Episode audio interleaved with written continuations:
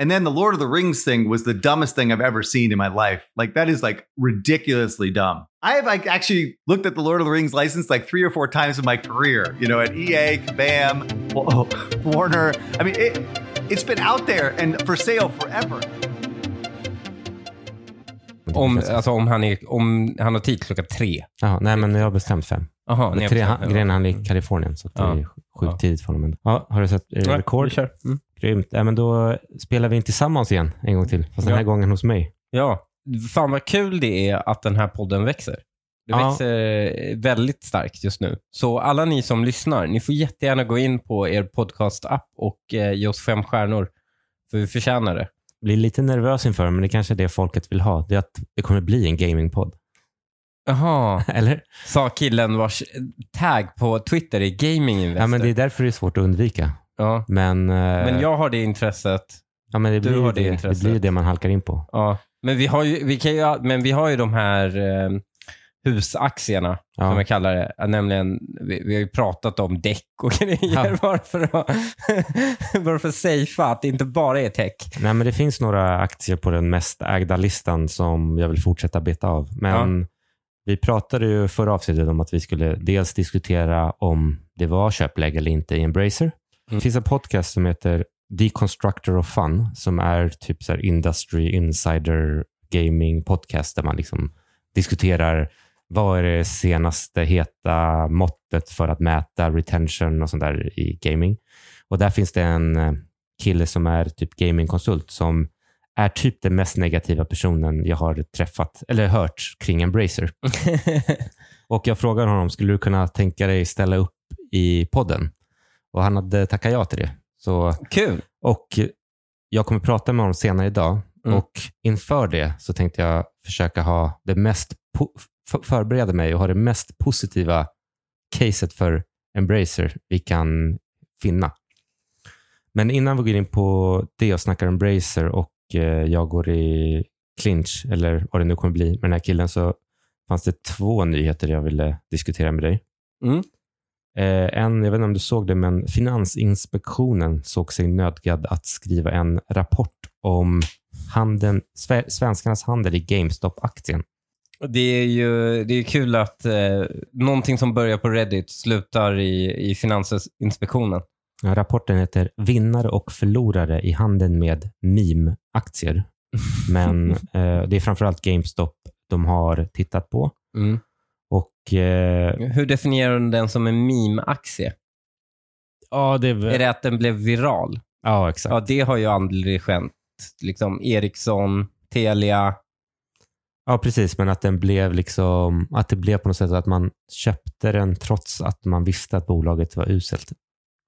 Men att man ville liksom Ja, ge ett finger åt eh, hedgefonderna eller hur man ska tolka det som hände. Ja, men var det inte samma sak med Telia? Nämligen att folk köpte den trots att alla visste att bolaget var uselt. Nej, jag tror att de trodde väl på det direkt. ja, jo, okej. Men eh, under 2021 då så var det 76 000 svenska privatpersoner som handlade och 9 av 10 av dem var män. Så rubriken här är främst yngre män handlade med meme-aktier. Jag undrar, hur ser könsfördelningen ut i övrigt? Alltså, Ja. Om nio av tio män köper aktier. Här står det Så en, ju. en, en tredjedel av de som handlade GameStop köpte endast en enskild aktie under Okej. perioden. Men det som, det som är lite lustigt i den här rapporten är att den är skriven som en sån här eh, avhandling, eller sån här universitetsuppsats typ.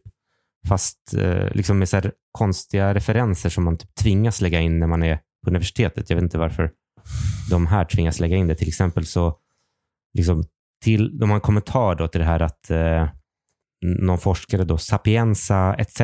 har 2009 skrivit en uppsats som förklarar hur män är mer risksökande och därmed är be, mer benägna att göra riskfyllda investeringar.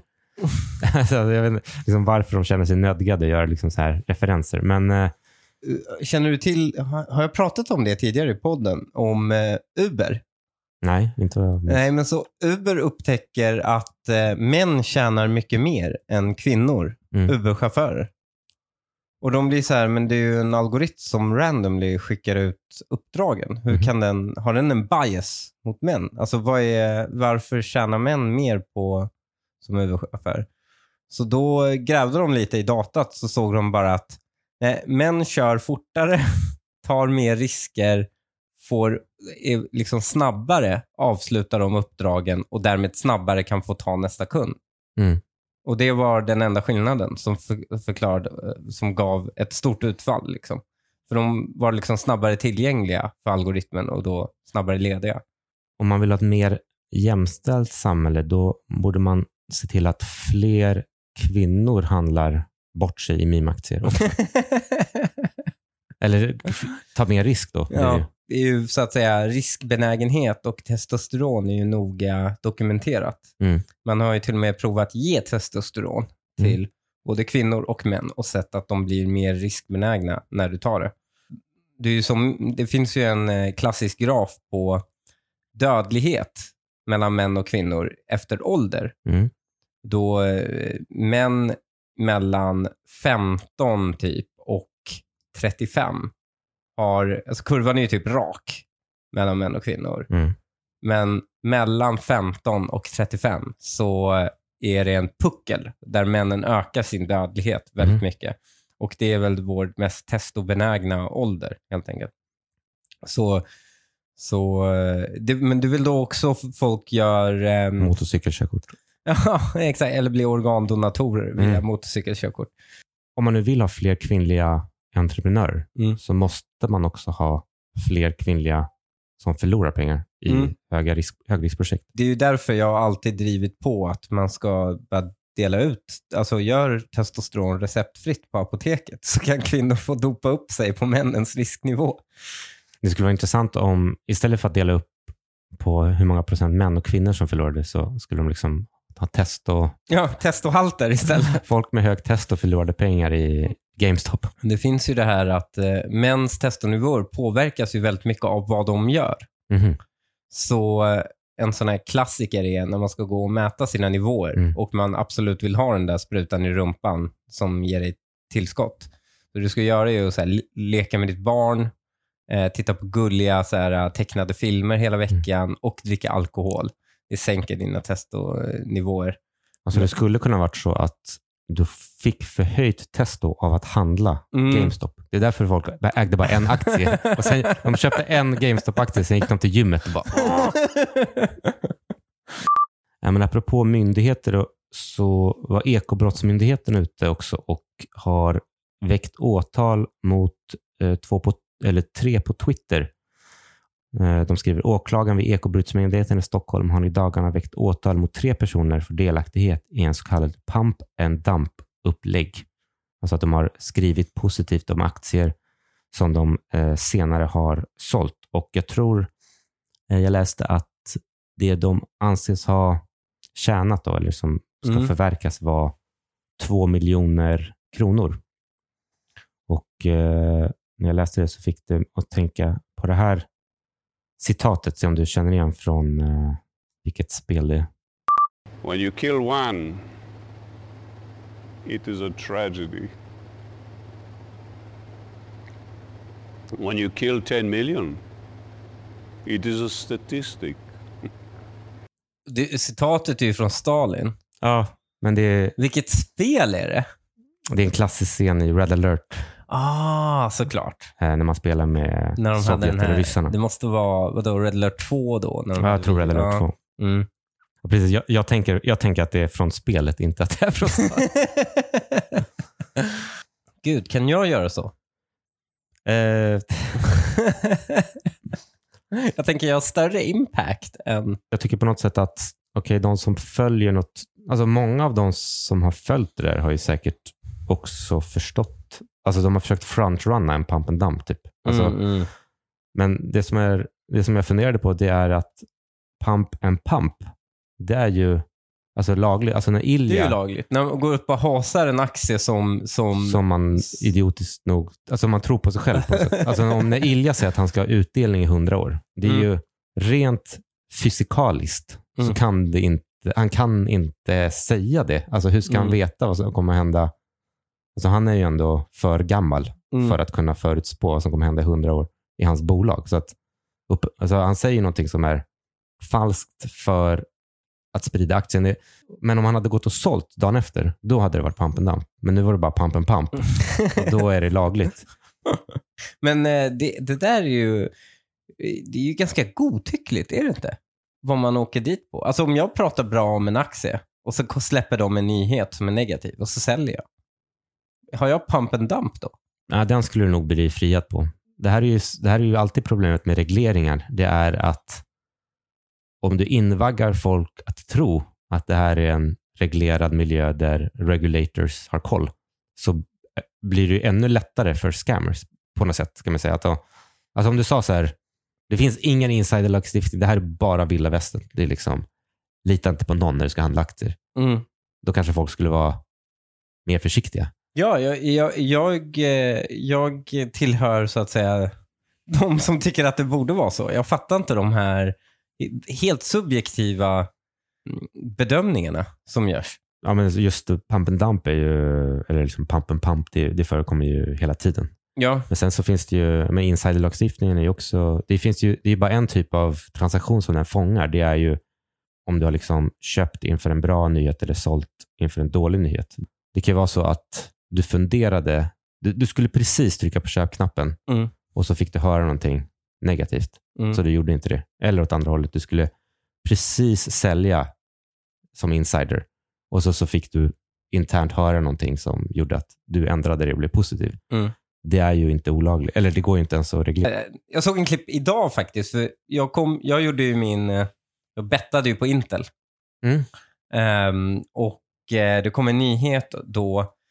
Under en presskonferens så var det en frågestund med Nvidias VD. Och de frågade honom då eh, om... eh, Ja men, så här, ja men ni har ju TSMC som, och Samsung som producerar åt er. Ja, tittar ni på några andra? Och då droppade han att eh, vi har fått tillbaka chip-exempel eh, från Intel och de ser väldigt bra ut. Så nu blir det kanske att Intel producerar grafikkort åt eh, Nvidia. Mhm. Det, är ju, det är ju en, bara en random fråga då på, på en presskonferens på en trade show. Ja. Det är ju extremt marknadspåverkande. Alltså både för dig, både för Nvidia och för Intel. And next up, it looks like Intel could be set to make NVIDIA's next gen GPUs. That's right. While in Taiwan, Tom's Hardware attended a question and answer session with NVIDIA's own CEO, Jensen Huang. During it, Mr. Huang outright stated that they're open to work with Intel. Apparently, NVIDIA is in the process of trying to diversify their chip manufacturing. He stated, quote, you know that we also manufacture with Samsung, and we're open to manufacturing with Intel. Pat has said in the past that we're evaluating the process, and we recently received the test chip results of their next generation process, and the results look good. What's wild is that Intel could already be teamed up with NVIDIA, as they claimed back in January that they added a leading cloud, edge, and data center provider as a customer for their Intel 3 process. Du kommer tillbaka till din tes om att, eh, eller det vi pratade om förut, att de vill ju producera chip på hemmaplan. Mm. Så nu på morgonen så skrev jag på Twitter och frågade efter folks bästa argument att äga Embracer. Jag gick igenom dem. Ja. En sak som slog mig Mm. och som eh, störde mig lite, det var ju att ingen pratade om produkterna. Nej, jag vet. Det är ju, dels är det ju en del som säger förväntningarna är så låga nu så att det bara kan bli bättre. Eh, och det är i och för sig liksom, det är mer typ ett trading-argument. Och, här skriver ABC Poker, skriver, i mina ögon handlar det bara om en sak. Litar man på vd plus ledning i detta skede eller inte? Tror man att de kan skapa en vinstkultur där förvärven är bättre än, marknad, än marknaden tror? Alltså det är mycket så, litar du eller inte? Och det är i och för sig sant, alltså det har ju varit en story-aktie, så det är klart. Det har ju varit en story-aktie, så då blir väl frågan, kommer, man, kommer storyn tillbaka eller inte? Investacus skriver förväntningarna på botten, förväntningarna är så låga att det knappt går att göra marknaden beskriven, äh, besviken. Ja, det är ingen som skriver så här, äh, men jag tror att det här spelet och den här studion verkligen kommer göra någonting fantastiskt och det kommer eh, rädda bolaget. Mm. Det är ju lite tråkigt. In Lasse We Trust. Och sen så blev det en subdiskussion om vilken typ av privatjet man ska äga. de, de har ju ändå ganska fina studios. men jag. jag, eh, Frågan är om Embracer på, med den, äga, med den äg, ägarstruktur de har kan styra alla till att så här, nu måste ni fokusera på content, ni måste producera bra spel och vi ska göra vinst på det här nu. Jag har ju egentligen sen vi började den här podcasten tappat tron på fundamental analys. Eh, även i Nvidia-fallet så var det uppenbart att man bara skulle kört på magkänslan. Men om man ska göra ett sista försök på någon typ av fundamental analys, så som jag skulle bryta ner Embracer är ju i deras eh, kan man säga, fyra affärsdelar som är då spelen. Eh, de, de har liksom en PC-konsoldel, en mobilspelsdel, brädspelsdelen och sen har de en eh, services, eh, liksom outsource. De har köpt en del liksom tredjeparts work for hire eller outsourcing studios. Och sen så skulden då som drar ganska mycket cash. Och för att göra enkelt för oss, den services-delen de har som är eh, eh, den, den typen av business traditionellt sett, eh, de kallar det entertainment and services och eh, den ska vi se, senaste kvartalet då, så januari till mars gjorde den en vinst på, eller ebit, bokförd vinst på 66 miljoner. Men traditionellt sett är den typen av business extremt svårt att få lönsamhet i Mm. eftersom alltså, vi har Goodbye Kansas som gör typ det som är evigt förlustbringande. Sen finns det några liksom extremt välskötta och i Storbritannien finns det ett som heter Keywords. Problemet är att stud studion gör ett spel, de har liksom satt den grafiska profilen och sen behöver de bara någon som hjälper till. Och, ja, men jag behöver någon som gör 20-30 bilar till i den här stilen och då, Mm. då lägger de ut det. Och Då liksom konkurrerar de med hela världen och då kon- konkurrerar de med liksom asiater och kineser och allt möjligt. Så det är alltid svårt att eh, få bra marginal i en sån business långsiktigt. Det är mer typ av en konsultbusiness. Är det en stor del av, eh, av deras portfölj? Senaste kvartalet så var omsättningen 9, eller låt oss kalla det 10. Och så var den här en och en, och en halv av den omsättningen. Mhm. Så det är ändå hyfsad. Men jag skulle, för enkelhetens skull skulle jag nog värdera den till noll. Mm. Det blir en, det är en support service till egentligen PC och konsol. Och sen så har de då ja, men just konsoldelen och jag eh, försökte ta hjälp av ChatGPT Mm. och försöka analysera den. Och här, nu vill jag faktiskt försöka få fram de positiva argumenten för eh, jag ska eh, bemöta den här eh, negativa killen. Eller just det, det vi ska göra innan också, det är jag ska spela upp för dig hur den här snubben kan låta på den här podden. Och eh, till och med jag tycker att han går lite till överdrift för han kallar dem ett ponzi-scheme. right? I mean, I don't know how many times I have to talk about Embracer and how their failed strategy uh, does not make any sense. The stock was down 40% today. It was already down 60% since its high. The Saudis have lost 76% of their investment over the last six months. So, what's actually happening to these rascals? Um, it looks like they had some landmark deal uh, that they've been kind of like talking about for a while in in tongue um, a two billion dollars uh, contracted development over the next six years, and the deal fell through at the last minute. The guy, the, the other party, pulled out. Um, in their own words, now listen to these words: the deal would have enabled a catch-up payment at closing for already capitalized costs for a range of large-budget games, but also notably improve medium to long-term profit and cash flow pr- predictability for the duration of the game development project. Hey, let's ask Ch- ChatGPT what a Ponzi scheme is, okay? Promises high returns to investors, but uses funds from new investors to pay off early investors. Sound familiar? See the similarities, right? They're just robbing, whatever. Anyway, okay. So, what happened? They missed the quarter and the full year, and they delayed titles out of next year to the following year. So expectations they were going to generate 33% less profit next year and um, 40% reduction in earnings estimates, which basically resulted in a 40% stock drop, which kind of makes sense, right? Um, so overall, games are not performing. Pipeline is weak. Organic growth is non-existent. They don't have any resources or centralized management to manage such a large and complex organization. So basically, everything I've been saying about this company since for the last three years is happening. Right? Um, it's it's kind of a train wreck.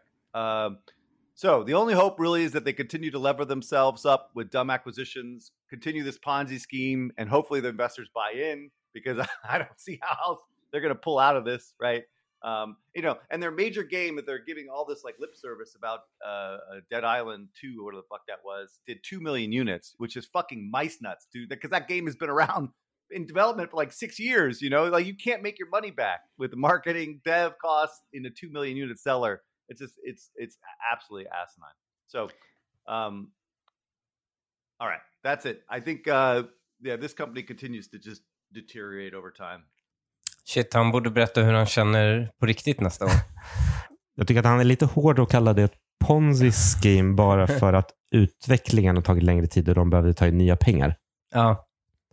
Det är ju ganska vanligt i en spelstudio. Men jag skulle, jag kommer gärna, jag skulle, det skulle vara intressant att höra vad han menar med att han menar på att de har inte managementstrukturen att managera en så stor organisation. Och sen det han tog upp också i slutet var ju, det fanns ju det här spelet Dead Island 2 som kom eh, precis nu då, som inte var med i de senaste kvartalssiffrorna. Som sålde 2 miljoner ex som är ganska bra.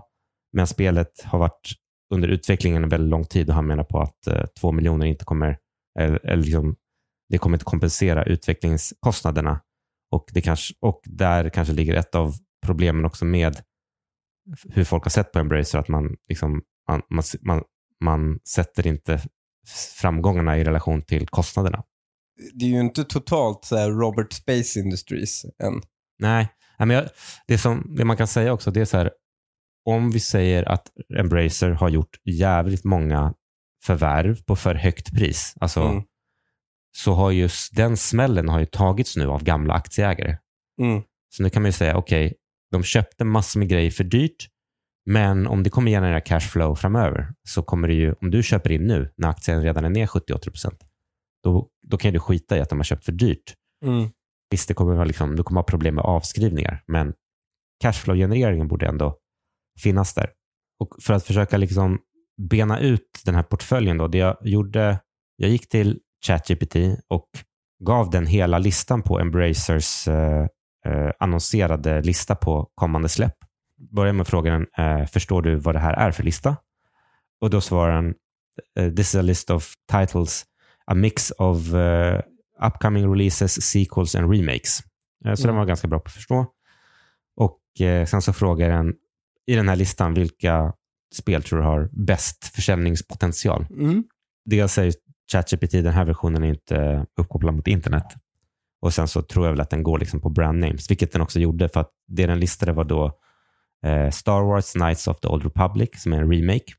Eh, sen Tomb Raider, Homeworld 3, Payday 3 och Biomutant.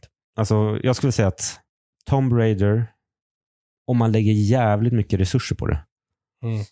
Men vet inte om man är beredd att göra det. Alltså om man skulle lägga tusen pers som jobbar i fyra år. Alltså att det blir så här open world, liksom Red Dead Redemption. Du kanske inte ens spelar som Lara Croft. Hon är bara liksom en mytomspunnen karaktär i världen. Du Ska går- de göra en Tomb Raider utan Lara Croft?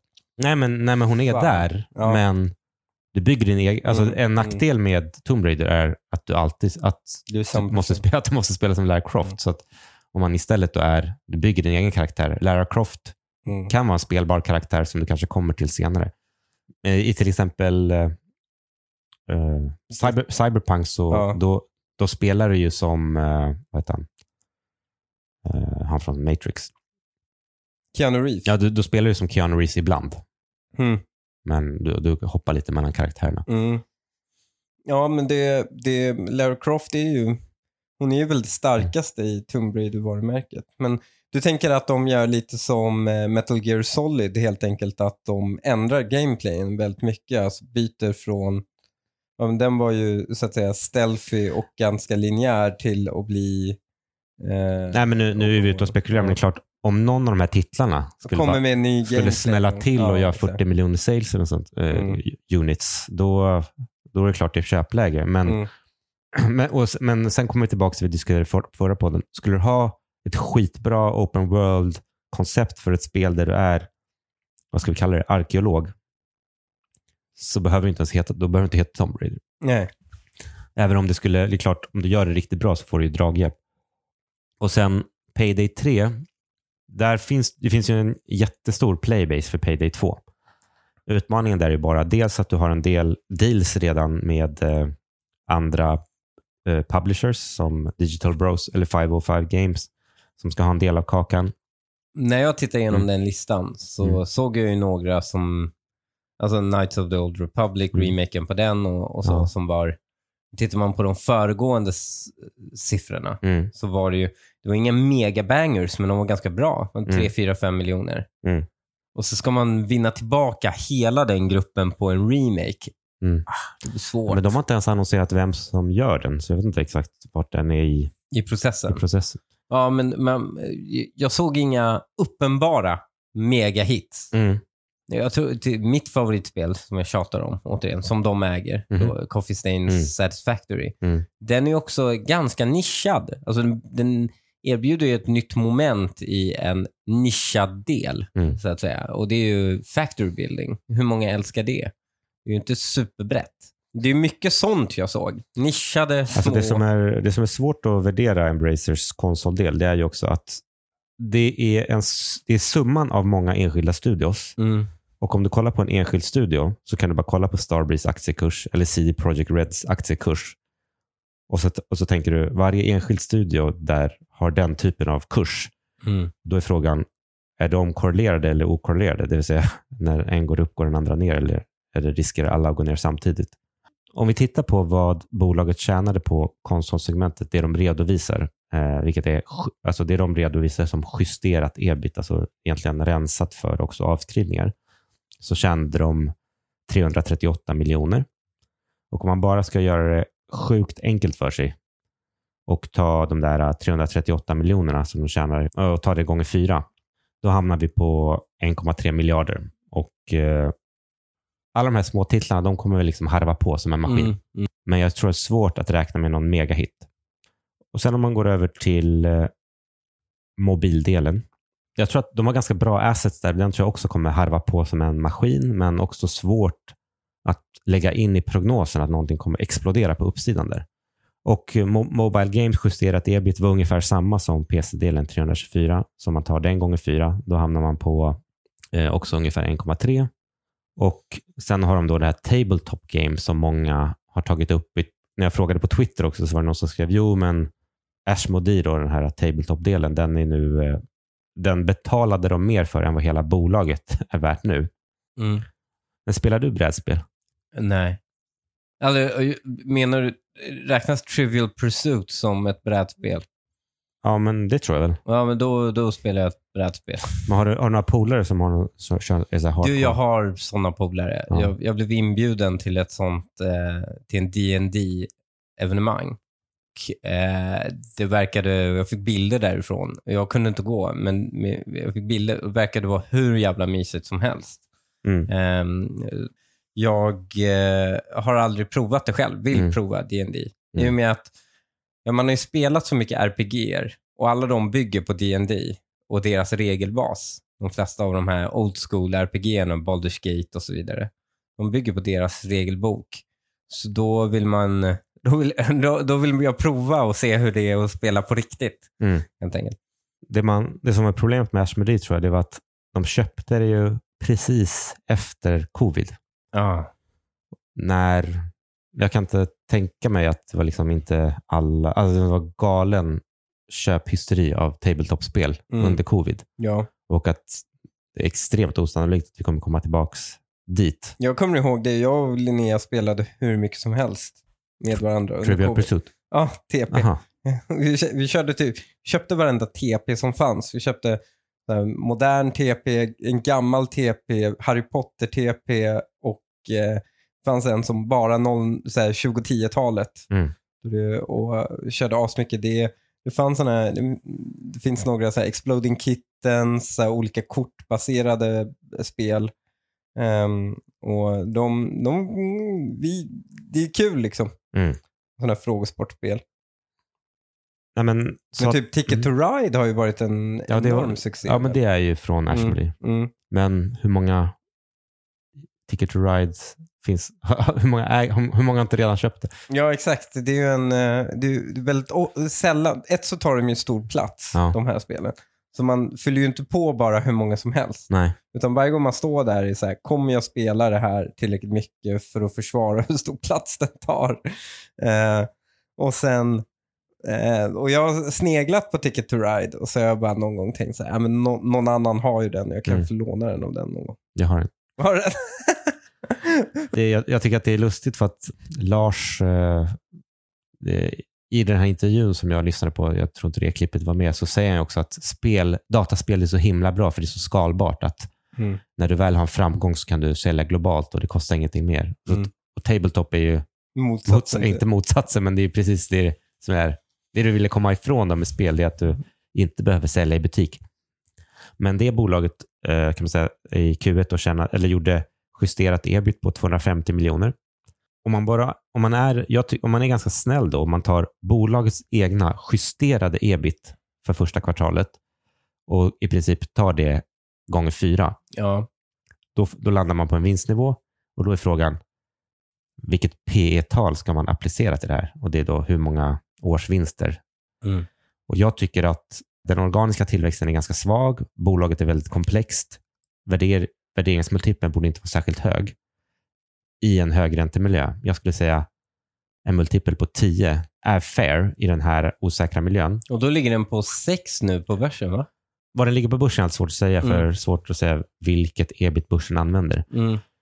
det var inte så att jag kollade på kursen först och sen applicerade P utan jag tog liksom Mm. ett runt tal, 10, och sen delade då på antalet, eller just det, jag gjorde en justering till. Jag drog av 800 miljoner om året i räntekostnader, Mm. för de har eh, 15 miljarder i nettoskuld. Och då hamnade jag på en aktiekurs som var 26. Men nu, just nu handlar den i 25. ja, det är inte så långt ifrån. om man ska köpa aktien här, då, då måste man tro att bolaget ska prestera, outperforma vad den performar just nu. Alltså Mm. den ska outperforma sig själv och att det ska komma någon megahit här i, i allt som finns. Men om, Det är ju en Hail Mary. det är lite av en Hail Mary. Nu sa jag att jag ska försöka vara positiv. jag är den negativa här känns som. Men, men det svåra är det att jag skulle nog inte utvärdera studierna utifrån titlarna. Jag skulle nog utvärdera studierna utifrån kunst, tech, tecken och techkunskapen i studierna och den ser vi inte Mm. utifrån. Nej.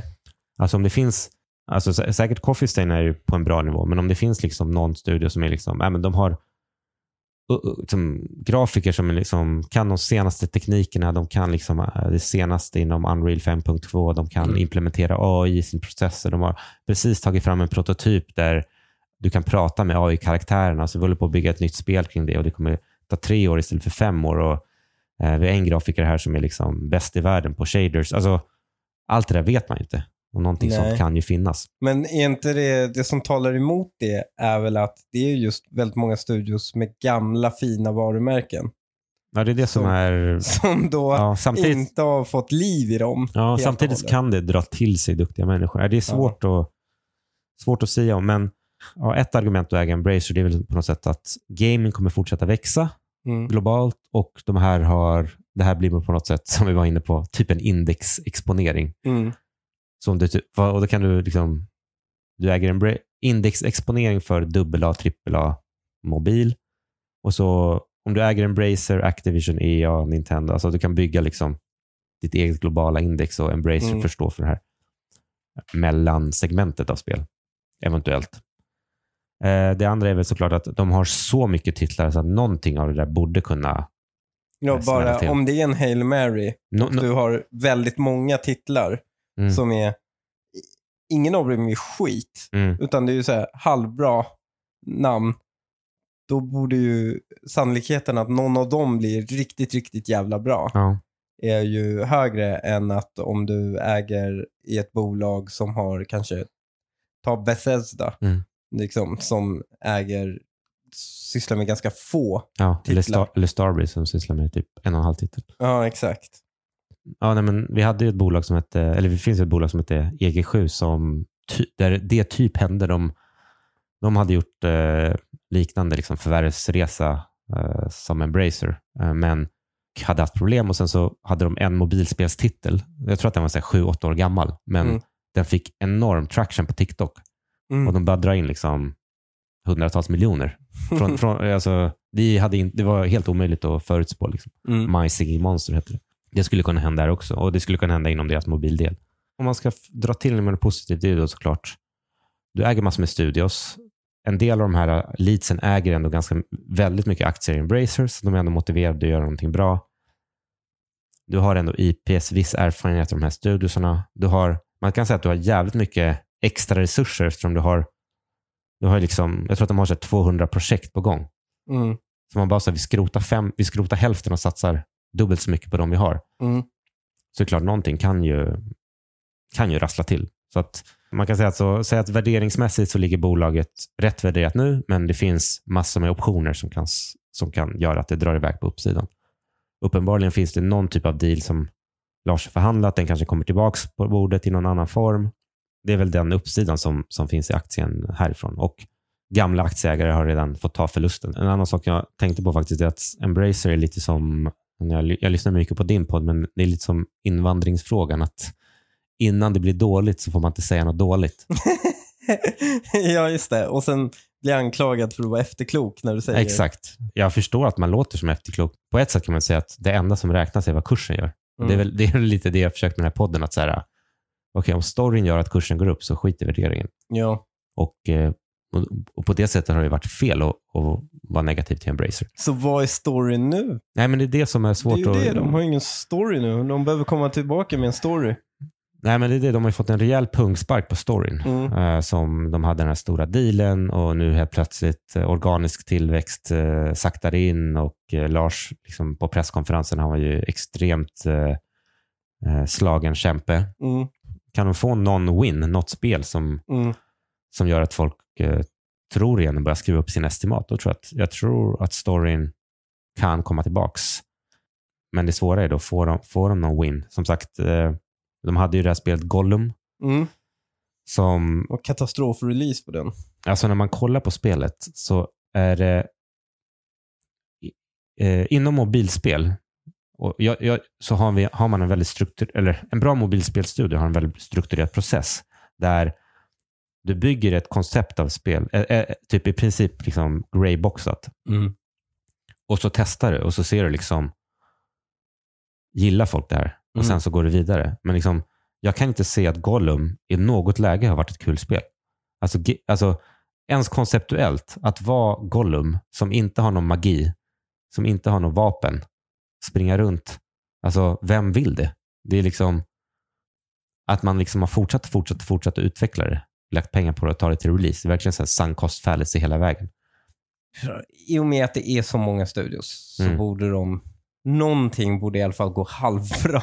Mm. Förstår du? Ja, men jag, ska se, jag ska se vad han, Eric säger på det. Liksom att du, du tror inte att liksom, det finns, måste ju ändå finnas några gems, potentiella diamanter i högen. Annars har ju Embracer lyckats med något unikt, nämligen köpa 300 titlar och alla suger. det är faktiskt... Om några timmar ska jag ha mitt samtal. Mm. Får se hur det går. Klipper Mm. in det efter det här. Och eh, så återkommer vi nästa vecka och utvärderar. Bra. Bra. Eric Kress. I've been uh, in the video game business for over 25 years. Uh, I think what's unique about my background is I have spent half my time in industry and half my time covering video game stocks for investors, hedge funds, and long only. So I kind of have a unique uh, perspective uh, on the industry generally. Um, I was Electronic Arts and Kabam, and then I've been was with independent uh, research provider called Bay Street, and for the last like almost ten years, I've been running my own consultancy called Gossamer that uh, focuses both on uh, clients on the hedge fund long only side uh, for investors, but also consulting for places like Sega, Warner Brothers, uh, Amazon. So the idea is here to have one foot in industry and then one foot in investment research to keep me kind of frosty on what's going on and what people are thinking about from you know the str- strategy perspective. Um, and I also, I've been doing the Deconstructor Fund podcast for almost five years, maybe maybe longer. I don't know. I got to check on that. But uh, that's a relatively successful, you know, business style podcast that talks about the news of the week um, for video games, uh, which has given me some notoriety, uh, both positive and negative, because I talk a lot of trash about a lot of different companies and a lot of different people. So, um, but it's really fun and uh, just to kind of get uh, that perspective on the industry, uh, you know, from from the from the investment side. So that's basically me in a nutshell. Cool. And before we dive into Embracer, can you? What's kind of your, uh, you know, I guess, uh, American perspective on Swedish, the Swedish gaming sector and the Swedish gaming industry? I, mean, generally speaking, there's been great like centers of excellence in terms of game development. Um, uh, from uh, you know Dice uh, in particular for EA because I was at EA for a long time. Uh, there's definitely lots of talent out there.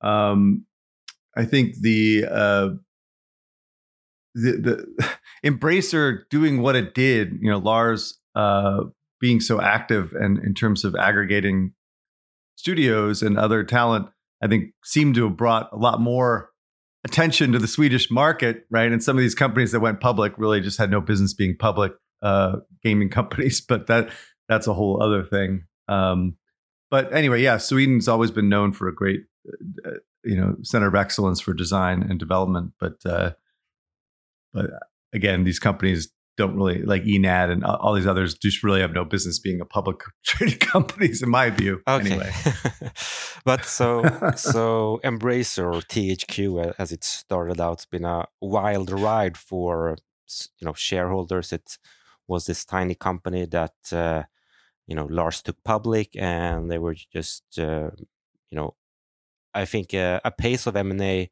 At least I've never seen. I mean, in any company, and uh, it brought a lot of interest from retail investors. It becomes uh, one of the ten biggest holdings among retail investors, Mm, and it, and people call it a retail stock, but really a lot of institutional investors were. I mean, without the institutional investors, they wouldn't have the money to do all the M and A, and then they raised a lot of debt. So, what is your kind of, uh, I guess, high level view of um, of this uh, of uh, this construct that Embracer has become? I mean, I've been doing M and A in gaming my whole career, right? So at EA, Kabam, um, I consulted for Warner. I mean, like I, I, I, this is I've been living this stuff for a long time, and I also, you know, Chris Petrovic, I work with at EA at uh, Kabam, and and and he was doing M and A for Zynga, you know. So I've been involved in this space in in different capacities for forever, and the fundamental problem with companies like Stillfront and Embracer doing these aggregation strategies is that it is almost impossible to find organic growth with these acquisitions. Regardless of what the incentives are set up for these companies, mm. it's just impossible to manage this many studios effectively without a very, very deep bench of management. And this is like this has been the fundamental thesis on these names since the very get go. And and actually, no, I don't know anybody at, at uh, Embracer. I know I know a few people at Stillfront, and I've been criticizing these companies since the very beginning because it doesn't make sense. Like for so many different fundamental reasons that uh, I will have, be happy to go into. Um, yeah, I, so, I, would love to hear it. I, I think uh, if I'm going to try to kind of steelman Embracer here, they would say you know they they they bring on these i guess founders or leaders of the subsidiaries. And a lot of times these guys have taken a lot of uh, payment as shares or in the beginning some people even took 100% shares and that they i guess i would say outs you know outsource or you know keep the management at the local level so they don't have to have a management layer on the top. But that the studios they buy they are you know continue to incentivize the leaders and they're continue continuing to do what they've been doing well in the past? Well okay. Actually let me just speak more high level about shorts shorting stocks in this industry okay. just just quickly just so you understand where i'm coming from right? There's basically three ways or three ways of many i'm sure to think about why shorting stocks in this, this space sec it makes sense. First, it's product risk, right? So CD Projekt was obvious, right? There was just no freaking way that CD Projekt was going to sell as many units of that game as they thought they were, or that management thought they were, and that Wall Street thought they were. So that was a really easy, fundamental short on on the product risk, right? There's also platform risk, and we saw Unity, IronSource, and AppLovin get annihilated by Apple with their crazy privacy policies that make no sense for this industry, and they got devastated, right? And that was that makes a lot of sense, right? Um, and then there's product strategy and and market mismatch, right? So Ubisoft in particular is the Achilles heel. This is their Achilles heel since their inception. Is they chase every shiny penny out there, and they're involved in projects that make no freaking sense, right, for the market. And it just creates the most, you know, inefficient public traded company in the whole of interactive, right? So in my view, Embracer in particular is all three of these at once, right? Everything that they're doing makes no sense in terms of where the market is. So they have product risk, they have platform risk with the Apple fiasco, and then they have this really this market misalignment of where they're headed um, generally um, as a company. Um, and that's kind of been the fundamental thesis from Embracer from the get go is that you cannot acquire such a complex group of assets and expect to manage them uh, effectively. And then this is the like the the one key thing I've been saying since the very beginning is that there's nothing more difficult in this industry than managing creatives, right? And if you do not have that management layer to keep the creatives in line and to make sure that they are aligned with the market itself, you can't be successful. And as much as I love the Stillfront guy, uh, Alexis, and, and those guys, like that's what they were missing. They're missing that layer of people that can actually manage studios to you know drive create uh, create you know a creative enterprise. But do you, Um, but do you think like if you buy a studio like Gearbox, it's not realistic to say they're gonna self-manage, sort of, or, you know? No, he he needs people. He's been basically doing these amazing vertical slices of games and then coming out with terrible, terrible experiences. Uh, the the Aliens game in particular, and then all back in the day when he was dealing with Ubisoft with the um, the World War II shooter, which I can't Band of Brothers or whatever that was. So he he's the one, he's actually exactly the poster child of this. He needs to be controlled. He needs to be um and he's impossible to control. Not that that's an easy feat but, uh, and that's what i'm Isn't saying. Borderlands like a success, or? No borderlands has been the same game over and over and over again. He has not evolved that game. He's not being pushing the envelope on that what that game could become um since since the success of borderlands 2 right? Um and and you know uh, it's a great game don't, uh, don't get me wrong but first of all that's not even owned by embracer right? That's owned by take two so that's almost irrelevant Mm. right? Like it's what it's what he builds next is what what what, what embracer really inherits from a from a product perspective. Um but he's actually a great example of someone that needs to be led right? Needs to be pushed and managed Mm. right? Because otherwise you know things don't go well for him you know? Um and now and on top of it if if every all that what you were saying the, the, this is the second thing is that structurally it's all tied to the stock price right? And if the stock price is on its ass then all these guys compensation is basically out the door. And so they're going to go out the door right? There's no incentive to stay if if they're underwater on all the earnouts that they're expecting and or the stock is is significantly lower than when they negotiated. Um so this is the biggest risk for them now is that uh, they just continue to see a flight of talent so, and then the, the second thing and the most the second most important thing is the product problem, right? They have no killer IP really, right? And the two killer IPs that they had were disasters, right? Saints Row, absolute disaster, right? Of epic proportion, right? The game was in development forever. The first two hours of that game were amazing. The rest of it was terrible, and they, they, they can't redeem that franchise. And frankly, they don't have the team to do it anyway. And Dead Island, absolute disaster. Like six years in development and two million units, dude. That's a loser, right? I guess, And, uh, uh, It- I, I mean, over time, it's probably gonna be more, no? yeah, but you're gonna be. It's gonna be selling at twenty dollar in the twenty dollar bin in like two months. Yeah, because you know it's uh, not. Yeah, I mean, you're right. It, it was um, actually it was kind of people saw it as a success, success, but yeah, I think it was like more than six years in the making. But Yeah, Yeah. dude, two million units is nothing. Nothing. They lost their ass on that thing. You know that team was in. Yeah, that thing was in but development you forever. Uh, so okay, I, I, I'm gonna try to be to to steelman it a bit, but but you, I mean, you could say okay, Embracer is not after you know quadruple A or you know they just want a kind of this mid segment, kind of double A, triple A, just uh, churn churning out. Not, you're, you're, dude, you're just, you're- dude, this is like my this is my next note. Okay, okay. My next note is exactly Okay. that, right? Mhm. This is where they're not aligned with the market, right? The, the market is no longer double A, single A. It is all triple A, right? That th- th- those days were like 10 years ago, right? In which which like com- uh, companies like EA and Activision and Take Two consolidated from like 30 games a year down to five or six, right? And so what they're doing is going the actual opposite, right? The market is not there. There are 200 million console players in the world, Mm. right? And they're buying AAA constantly, the highest production value, God of War. You know, now we we, we see you know Call of Duty, uh, FIFA, Madden, right? They're not buying tchotchke games like Saints Row anymore. That's just not the market. And anyone in the mid industry could have told you that. And that's why when they, they're acquiring all these single A, like indie type studios, and sure, he makes the argument, and I, I don't disagree with this. They got a million shots on goal. And so something like Valheim su- is successful, right? And so, like, you get, you know, one of these, like, you know, outperformers. Valheim lasted how long? Like a month? You know, like, because they don't have the resources to support such a service, right?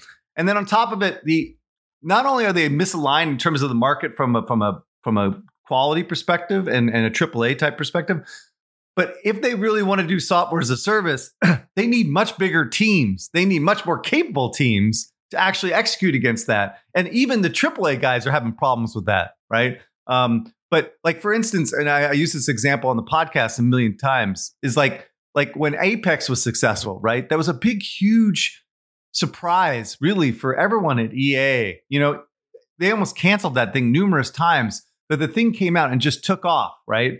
But they had no resources to really support this thing. So what do they do? They drop ship like 100 people into the organization and just started building content and doing that. So Embracer doesn't have that capability because they have no central tech teams or management teams to actually do that, do what that to execute against something like that. And that's exactly what happened with Valheim. Valheim was a great experience and a great execution, but they couldn't support it because they just didn't have the resource, you know. And it was it was, it was a shame that that game kind of just died on the vine. But now everyone's trying to replicate that success and build new games. You know, you have EA's making one. Uh, Destiny just announced their marathon game, which is going to be very similar. And then we have, um, you know, even Blizzard is coming out with their own survival style game. Mhm. Um, so those guys will be able to do it right. That's where the market is, right? The market is not taking a million shots on goal and hoping for the success, right? That's that's that's that's too challenging from an execution perspective. I, I guess the, the the pitch or the appealing thing for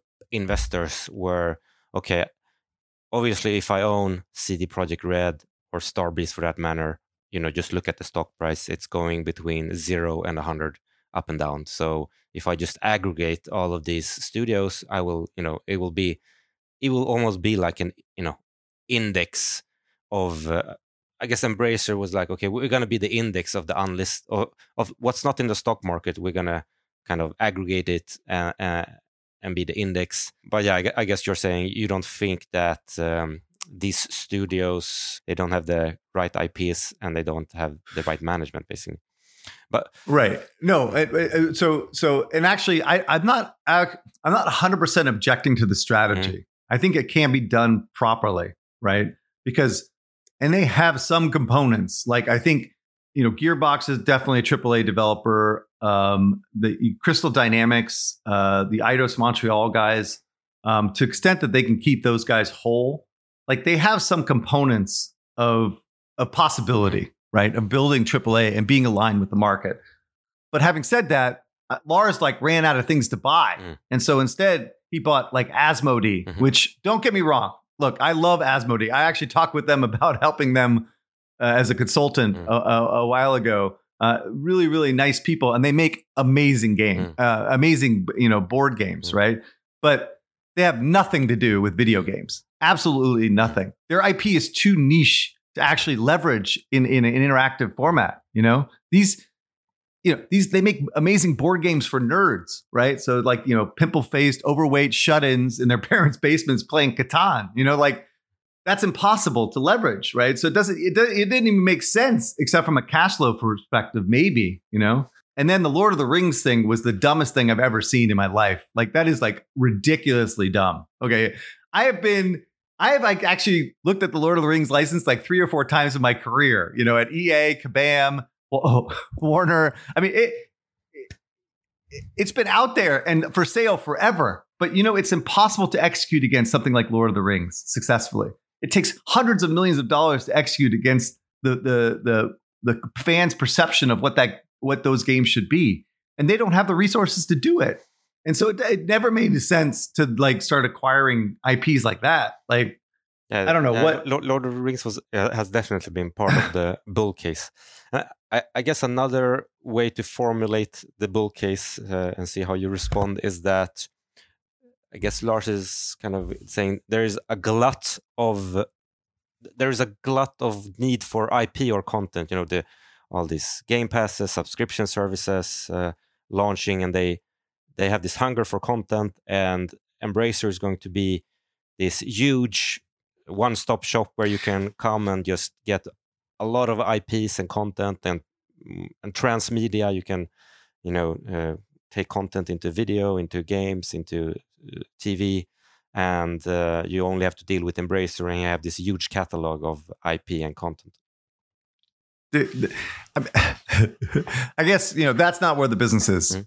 Full stop. So if if you were at Netflix, right, and you have hundreds of millions of, of subscribers, and and and you're catering to like the lowest, you know, the the broadest audience possible, that kind of content strategy works.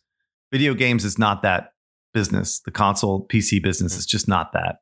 You know, so I think that's kind of a misalignment with where the industry is, and then um, and then an unrealistic expectation of where the industry is headed. Mm. Um, so the majority of all the gains that have occurred in the video game industry over the last decade has been around spenders spending more, right? So the converted spending more money, basically, you know, with digital transactions, and the audience has not changed in in 20 years. Like it's been like 200 million people that buy consoles in the West Hmm. and pay money for content, right? And premium content at that, and it's gotten more premium over time. And so again, back to my, you know, the second point is that they are completely out of out of out of sync with the, where the market is. Now, will the market change? It's possible, right? It's possible. But I, I think we have another 10 years, maybe, you know, cloud gaming and all these other, you know, technologies that that may actually broaden out the demographic for gaming. But if you look at the games and you look at what sells every year, you know, top 10 games, it's the same freaking games every year, right? And they're just getting better. And they people come in and out, maybe one or two games come in and out, but it's Madden, FIFA, uh, GTA, Yeah, the, Fortnite. The, the, the, the Steam top ten is uh, pretty stable. Yeah, it's it's it's it's it's a it, it's a red ocean is what I'm trying to say, you know, and and it's basically the highest level content wins, not double A, single A, indie stuff. You know, that's just it, that's not the market, you know. And mobile, and honestly, mobile is actually getting very similar in that way too. You know, that's kind of evolving to these huge franchises um, where it's kind of impossible to break through. But that's a whole other conversation. But um, yeah, mobile's not easy either. And now without uh, user acquisition being so uh, challenging, that's it's going to make it even harder for new companies to penetrate. And Um, if I may ask, do you have any?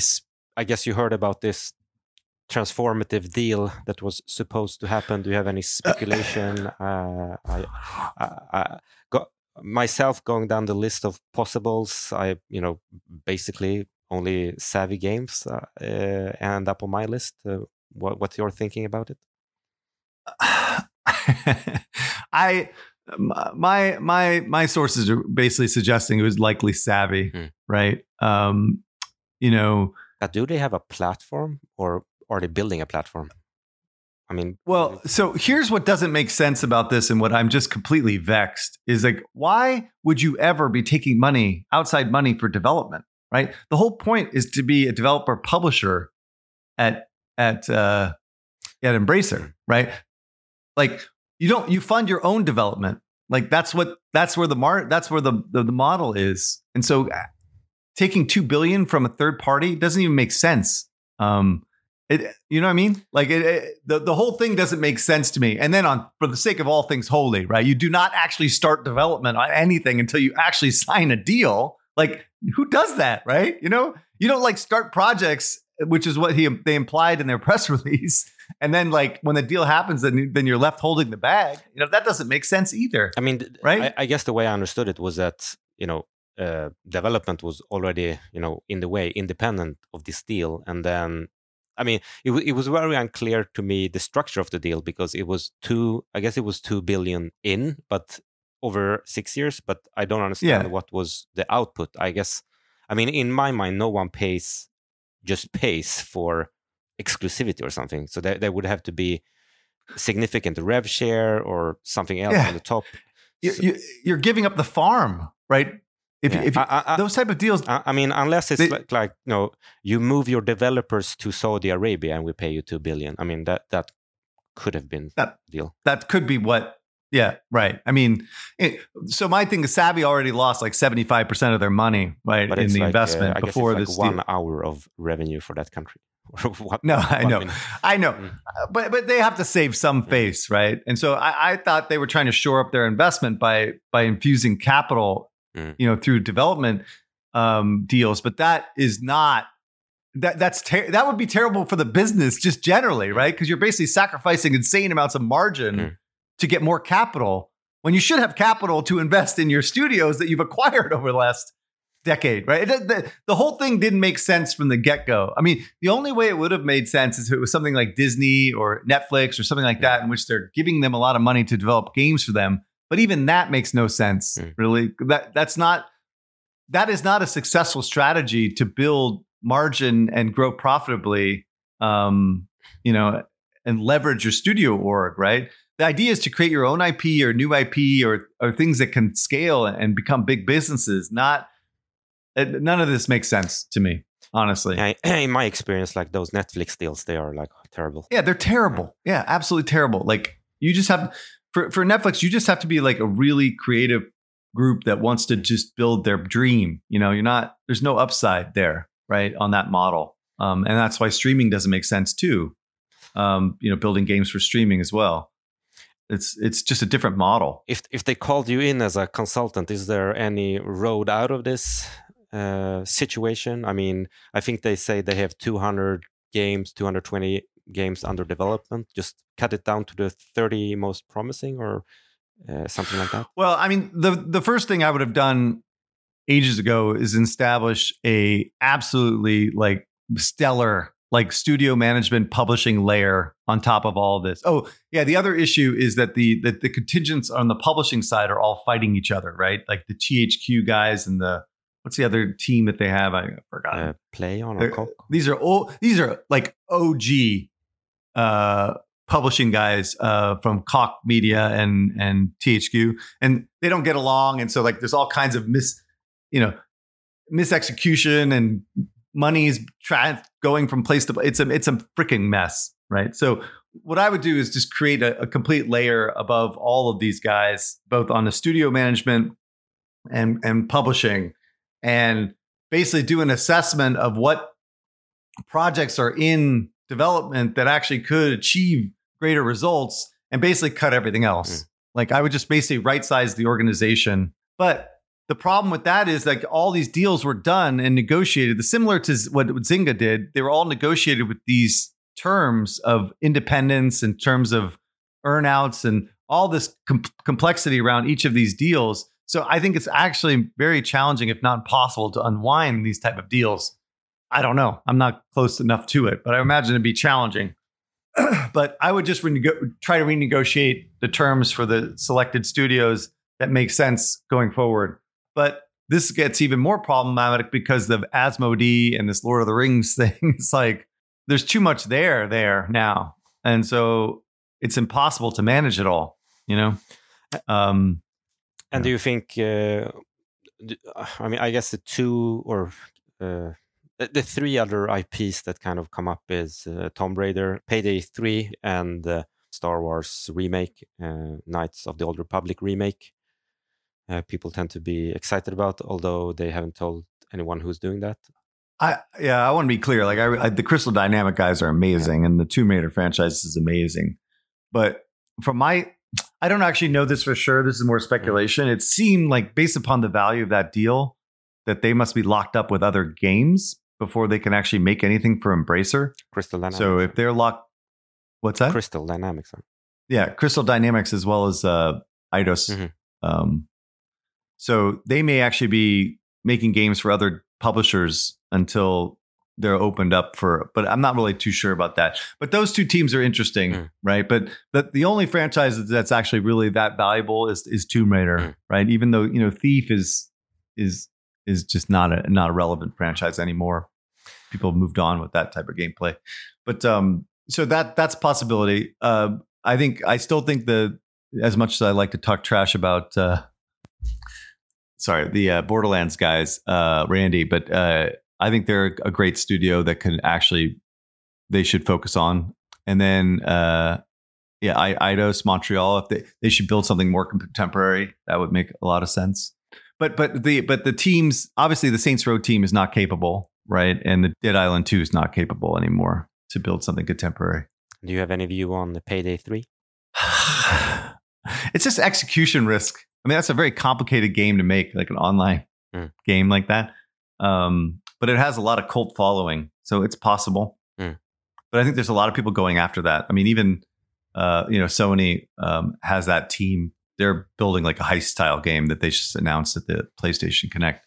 Yeah, Haven Studios uh, with Jade Raymond. Mm. You know, they're building their their version of that, which it's just a hard to execute. Mm. You know, and and and I I don't I just don't know if Embracer has the teams to execute against anything. Mm. Frankly, it's gonna be tough. It's gonna be a tough road for these guys. And so I guess what I would think is that like if we probably see the stock go down, you know, another fifty to seventy five percent from here, then then it makes sense to like really start to you know hollow this thing out and focus and you know and and build it up again um, and maybe get rid of some of the assets that they've acquired that make no sense like asmodee for instance. So just have to restructure the whole company. I mean unless even if they get so what's crazy is even if they get an outsized hit and and, and, and a hit in this business now is 8 to 10 million units right? That's a hit. That, that's a that's something that that actually makes money Mm. right? Um that's just not enough for the for the size of this organization. And then and then we get into the structural stuff about uh about raising money and like the interest rate environment and stuff like I don't think that they have the capability of pulling out of this. So the other option, I think, which is the mo- most likely outcome, and that's why I'm a little bit scared. I wouldn't. I'm not necessarily um, shorting the stock. Is that the only other option is they just get acquired, right? Mm. Uh, you know, straight up. So something like Savvy Mm. would be the only one that makes sense, to be honest.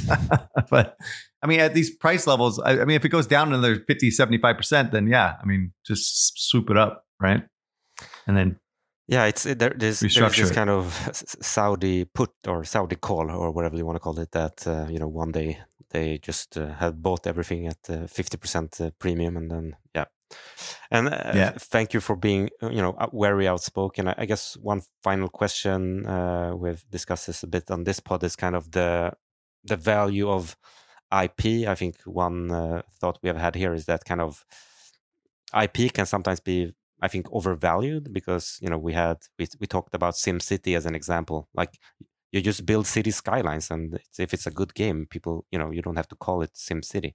Uh, you call it City Skylines, or you know EA is even dropping FIFA. You know, uh, it, gameplay trumps IP. I guess even if you had a great team and an idea for a archaeological exploration game, you don't have to buy Tomb Raider. You just make the game and call it wherever what do you think about kind of is is the is there still a lot of value in IP or you just make make the game and and uh, and have good gameplay? well, I mean, uh, that's a really complex question, which is, is hard to answer in a quick soundbite. I, I would say that the the established IP that's doing well right now, like if you were talking about Last of Us Mm. or God of War or Tomb Raider or you know even even Ubisoft stuff like Assassins and Far Cry, I mean, they're worth their weight in gold now Mhm. because or Diablo, for instance, like Diablo just comes out, it's probably going to do 20 million units, right? Is that game necessarily any better um, than some of the competitors that are out there? Like, um, oh my god, I'm just blanking. I mean, we've been talking about this in the podcast. I just can't remember it. But anyway, the, the one on Steam that everyone seems to be playing. Not really, Mhm. but because it's Diablo, they're going to sell, right? It's going to sell 20 million units. So I think, uh, yeah, I think brand matters Mm. in in this space. I think the, the, kind of the general thing I say is that like you know media empire media kind of matures like when platforms are um mature Mm. right whether it's TV movies, uh, video games, mobile, console, PC, right? You, you just be, get these established players that become iconic and and and that drive most of the revenue and interest, right? It's just like the nature of the business, right? And movies and television were like that for a long time until Netflix came around and changed changed the game, right? And then you had it was an open market for all kinds of new IPs to uh, to come. So until we actually see a new platform emerge, like we saw in mobile, um, I think these established IPs will dominate uh, these these platforms, right? And so, what are the next platforms? You know, the next platforms could be VR, which is kind of DOA, or it could be um, cloud, which I think is DOA to some degree as well. Um, but it's possible that, or AR, you know, things like this that will create new opportunities for new IPs to establish themselves. But I, I guess my original my point is that as as platforms emerge, they there's lots of opportunities for new IP. But after a while, they mature to to you know the established players, and that that seems to repeat itself every time. Um, so I think IP is super valuable, generally speaking. Great. Do you have anything you want to promote, or do you have a Twitter account where retail investors can uh, attack you back, or no? No, I mean I'm I'm I'm hugely uh, uh the only really social media I do because I'm older is uh, LinkedIn, but uh, you should definitely listen to the podcast uh, this week in gaming twig on on deconstructor of fun. Uh, every week we talk about the news and what's happening in the space. We have like a 50 percent mobile, fifty percent console is kind of the goal. Console PC, um, yeah, and you can hear the shenanigans there and, and the trash talking. Um, but it, it's actually a pretty good podcast because I think we we have four different people that have really just four different perspectives on the market, so it kind of covers all bases. Awesome. Thank you for your time. And uh, I think uh, if you don't mind, I'll probably be uh, invite you back at some point because uh, there's always something going on in Swedish uh, gaming stocks. Anytime.